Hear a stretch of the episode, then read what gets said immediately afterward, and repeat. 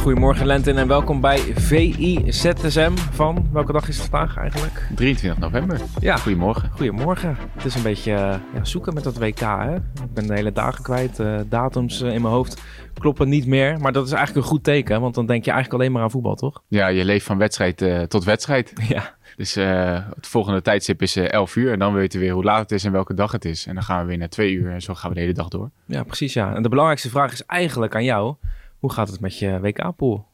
Uh, nou, wisselende resultaten. Ja, ja, we hebben natuurlijk met VI of met eigenlijk de overkoepelende organisatie uh, een poeltje. En uh, naar Nederland zelf had ik goed, inclusief eerste doelpunt te maken. En dan allebei uh, hetzelfde dan. Oh, uitstekend. Ja, ja, ja. ja. Uitstekend. En verder, ja, mijn grote favorieten die moeten nog in actie komen. Dus eens even afwachten. Heb jij de wereldkampioen al gezien? Nee dus? Nee, ik, ik heb de finale Duitsland-Brazilië. En die moeten allebei nog spelen. Dus uh, daar ben ik uh, nog aan het afwachten of dat uh, een slimme keuze is geweest. Gelukkig had ik niet Argentinië als wereldkampioen. Nee, want laten we gelijk maar een klein beetje terugblikken op gisteren. Ja, om het een stunt te noemen is eigenlijk nog...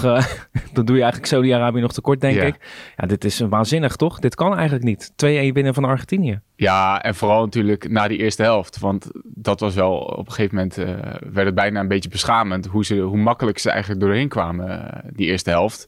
Argentinië werd volgens mij een beetje verrast door het hoge druk zetten van eh, Saudi-Arabië. Dat vond ik wel, eh, wel mooi. Aan de andere kant ook een beetje vreemd wel dat je dan blijkbaar zo slecht bent voorbereid dat je daar totaal geen rekening mee hebt gehouden. Dat een tegenstander zo hoog druk gaat zetten. Want dan moesten ze echt 20 minuten lang aan wennen en gaan zoeken van hoe gaan we daar dan mee om.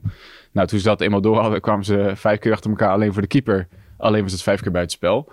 Ehm en wat er toen in de rust gebeurd is bij Argentinië, weet ik niet precies. Maar daarna, een kwartier naar rust, onder 2-1 met echt ja, prachtig voetbal, geweldige goals. Het was echt uh, genieten. En vooral in het stadion. Hè. Er zaten, kijk, de wedstrijden tot nu toe zijn niet allemaal even spectaculair geweest qua toeschouwers. Maar dit was wel echt een pot waarbij het hele stadion kolkte. 80.000 man die helemaal los gingen toen er gescoord werd. Dat, dat maakt zo'n wedstrijd natuurlijk wel veel mooier. Ja. Is er dan sprake van onderschatting? Ja, ja denk ik, toch? Ja, 100 procent. Um, kijk, Argentinië was natuurlijk op een gegeven moment die eerste helft gewend om op 80 procent ook wel er doorheen te komen. Uh, Messi was natuurlijk nog niet 100% fit. En je merkt als ze het tempo een klein beetje terugschroeven, uh, dan gaat het ineens helemaal mis. Uh, Romero van Tottenham Hotspur, geweldige verdediger, maar die laat zich zo makkelijk aftroeven.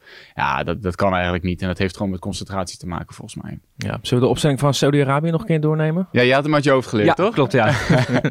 nee, die moet nog even groeien, denk ik, dit toernooi. Ja, ja, ja. Maar het is wel, uh, ik vind het altijd wel schitterend als zo'n zo stunt plaatsvindt. Internationale media had het over de grootste stunt aller tijden op het WK. Daar ben ik niet helemaal mee eens. Uh, want ik vind een echt grote stunt vindt plaats in een knock-out fase. Uh, Ja. Brazilië, Duitsland, uh, weet je wel, 1-7. Dat, dat vind ik een grotere stunt dan dit. Maar het was wel genieten. En ook de manier waarop ze het deden. Het was echt een heel leuke wedstrijd. Tot het laatste kwartier waar het een beetje vertraagd werd.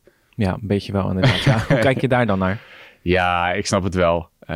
ja, hoe vaak sta je nou met 2-1 voor tegen Argentinië? Dan ga je natuurlijk alles aan doen. En ik moet zeggen, met de, hedige, met de huidige regelgeving qua zuivere speeltijd en extra blessuretijd, heeft het ook niet al te veel zin meer. Want uh, er komen gewoon weer 20 minuten bij. Vooral dit toernooi heeft het geen zin meer. Elke Nee. wedstrijd is het raak. Nee, er is eigenlijk maar één scheidsrechter die waarschijnlijk wel gaat uh, vasthouden aan die 90 minuten. Hè? Ja, vertel. De scheidsrechter van België vanavond. Ja, nou, die, ik denk dat hij nog eerder naar huis gaat, toch? ja. Want dat is die, die man die op de Afrika Cup toch een wedstrijd te vroeg eh afloot. Janni uh, Sikazwe uit uh, Zambia floot op de Afrika Cup het duel tussen uh, Tunesië en Mali. En uh, op een gegeven moment uh, sloeg de tijd 85 minuten. En toen dacht hij, uh, het is wel mooi geweest. dus hij floot af.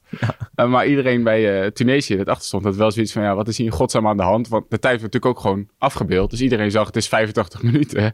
Zullen we nog even doorgaan anders? Nou, enorme controverse, ruzie, iedereen boos, totale chaos. Uh, uiteindelijk toch besloten om door te gaan. Weet je wel, iedereen stond helemaal op zijn kop. Nou, wedstrijd wordt weer gespeeld. Uh, minuut 86, de bal gaat weer rollen. Vervolgens is het vier minuten lang uh, tijdrekken, uh, wissels, uh, noem het allemaal maar op. En op een gegeven moment is het uh, 89, 45 en fluit hij gewoon nog een keer te vroeg af. Uh, ja. En die scheidsrechter gaan we vanavond bij België-Canada zien. Maar eigenlijk is het toch best bijzonder dat zo'n man nog een wedstrijd op het WK krijgt toegewezen, of niet? Ja, dat is wel bijzonder. Kijk, uh, hij zal natuurlijk ook heel veel goede dingen hebben gedaan. En we beoordelen hem allemaal op die ene wedstrijd. Maar uh, ja, als je die hebt gezien, dan denk je wel... oké, dit is dus een scheidsrechter die wordt geselecteerd... voor het grootste voetbaltoernooi ter wereld. Ja, dat is wel opmerkelijk. Ja, de tijd bijhouden is toch niet de moeilijkste taak, denk ik, van de scheidsrechter. Dat zijn andere dingen. Je zou zeggen van wel, ja. Toch? Ja, maar misschien liep zijn horloge gewoon te snel. Maar ik ben wel heel benieuwd hoe dat, uh, hoe dat vanavond gaat bij België. Of die denkt uh, na 75 minuten van uh, het is wel prima zo. Het is mooi geweest, ja. Ja, voor Hey. de files uit. Ja, precies. en jij zei, ik heb de wereldkampioen nog niet gezien. Dus eh, jij ziet in Frankrijk ook geen wereldkampioen... dat toch wel lekker een wedstrijd speelde tegen Australië gisteravond en 4-1 won. Ja, begon even moeizaam. Maar daarna ging het wel lopen. Hè. En, Dus die oudspeler van Sparta, toch? Die scoorde? Voor Ja, Australië. Goodwin. Ja, Goodwin. Ja, dat werd het niet helaas voor uh, Australië. Nee. Nee. Nice. Uh, nice, mate. Nice. Maar ja, Frankrijk, uh, even van het begin was het even zoeken. Maar in mijn ogen is het misschien nog niet eens zo heel erg dat Benzema er niet bij is. Omdat het allemaal nu veel logischer staat bij Frankrijk. Is het een zegen voor Frankrijk? Ja, zover wil ik niet gaan, want het is de beste speler ter wereld. Maar uh, je merkt wel dat en Griezmann en Mbappé veel beter tot hun recht komen uh, met Giroud om zich heen. Omdat het een heel fijn aanspoorpunt is, een, rustpunt. Je weet wat je krijgt van hem. Mm -hmm. um, en hij scoort ook redelijk makkelijk hè, voor de Franse nationale ja, ploeg. absoluut. Thierry Henry is een record bijna kwijt. Ze zijn nu, staan nu gelijk met elkaar. Maar uh, ja, het ging op een gegeven moment wel lopen. En mijn verwachtingen van Frankrijk waren eigenlijk niet zo hoog voor dit WK. Ook gezien de hele aanlopen. Er zijn natuurlijk veel spelers niet bij. Uh, ze hebben de afgelopen jaren eigenlijk heel matig gepresteerd. Ze hebben de bondscoach die na dit toernooi gaat stoppen. Uh, dus de hele aanloop was eigenlijk enorm onrustig. Zoeken met het systeem.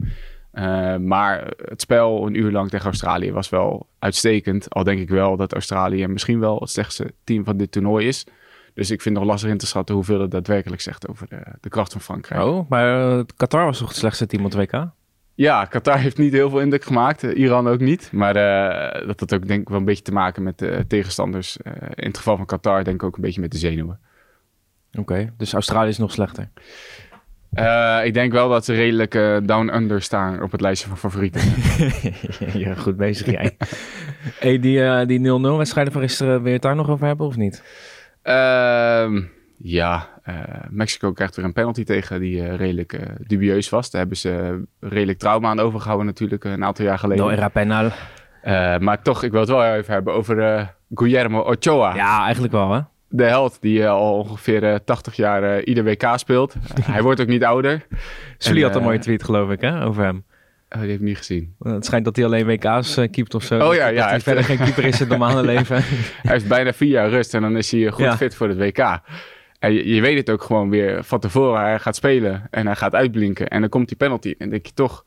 Hij had zich wel goed ingelezen. Hè? Want Lewandowski neemt al jarenlang zijn penalties... Uh, door naar de keeper te kijken en dan een andere hoek te schieten. En hij maakt die schijnbeweging en hij heeft hem gewoon uh, te pakken. Ja, ik vind het wel schitterend. Je weet gewoon elk toernooi Waarom doen meer keepers dat eigenlijk niet?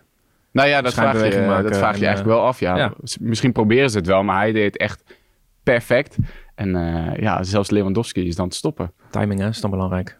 Zeker weten, ja. Ja, maar toch, ja, uh, verrassend dat Lewandowski eentje mist. Hij schoot hem wel slecht in trouwens. Ja, ja, ja, hij maakt altijd zelf die, uh, dat huppeltje. Of hij, hij wacht in elk af op de keeper. En dan is hij zo zeker van zichzelf dat hij hem eigenlijk heel rustig binnenschiet. Maar die tactiek was nu niet zo heel gelukkig. Nee, dus eigenlijk als je gewoon een vaste trap hebt, ben je misschien succesvoller. Ja, de manier waarop Harry Kane zijn penalties neemt, daar geniet ik persoonlijk het ja. meeste van. Die weet al van tevoren, als hij ochtends opstaat, welke hoek hij hem gaat schieten. Dat is al helemaal geprogrammeerd. En dan neemt hij een aanloop en dan schiet hem nog gewoon zo hard mogelijk, jankt hij hem de kruising in. Ja, dan weet je dan van zeker dat de keeper hem niet heeft. Inderdaad, ja. Hey, zullen we naar het meest gelezen bericht op vi.nl gaan? Want dat kwam toch wel een beetje onverwachts binnen. Misschien ja, niet helemaal verrassend, maar het moment misschien wel. Ja. Um, Cristiano Ronaldo per direct weg bij Manchester United. Um, wat dacht jij als eerst? Uh, eigenlijk wat jij zegt van niet heel verrassend, maar rare timing. Zo tijdens een WK, uh, vlak voordat Portugal gaat spelen. Um, ja, ongelukkig. Uh, wat mij eigenlijk het meest opviel was ook het, uh, het statement, wat niet al te uitgebreid was van de. United. Het was volgens mij zeven zinnen. We nemen ja. afscheid van Cristiano. mutual consent. beste oplossing voor beide partijen. prima natuurlijk. En ik denk ook... voor de twee periodes en de groeten. Zo ja, het, ja. Dat, daar kwam het redelijk op neer. Ja, ja. Ze hebben niet uh, de moeite gedaan om zijn prijzenlijst even op te sommen. Dat was het iets langer persbericht geworden. Een mooi clipje maken of zo. Ja, nee, dus dat... Uh, pijnlijk is dat. Ja, dat is pijnlijk. En het zegt ook eigenlijk wel alles. Um, kijk, hij was natuurlijk een clublegende. Maar zijn terugkeer is eigenlijk één groot fiasco geweest. Kijk, hij heeft vorig seizoen natuurlijk wel erg veel gescoord. Alleen, ehm, het is ook niet zo dat hij alles heeft waargemaakt uh, vorig jaar. Uh, dat komt ook omdat heel United natuurlijk ongelooflijk moeizaam liep. Uh, maar sinds de zomer is het eigenlijk al de ene, het ene drama na het andere drama. Um, dus elke week wel iets van gedoe over hem geweest.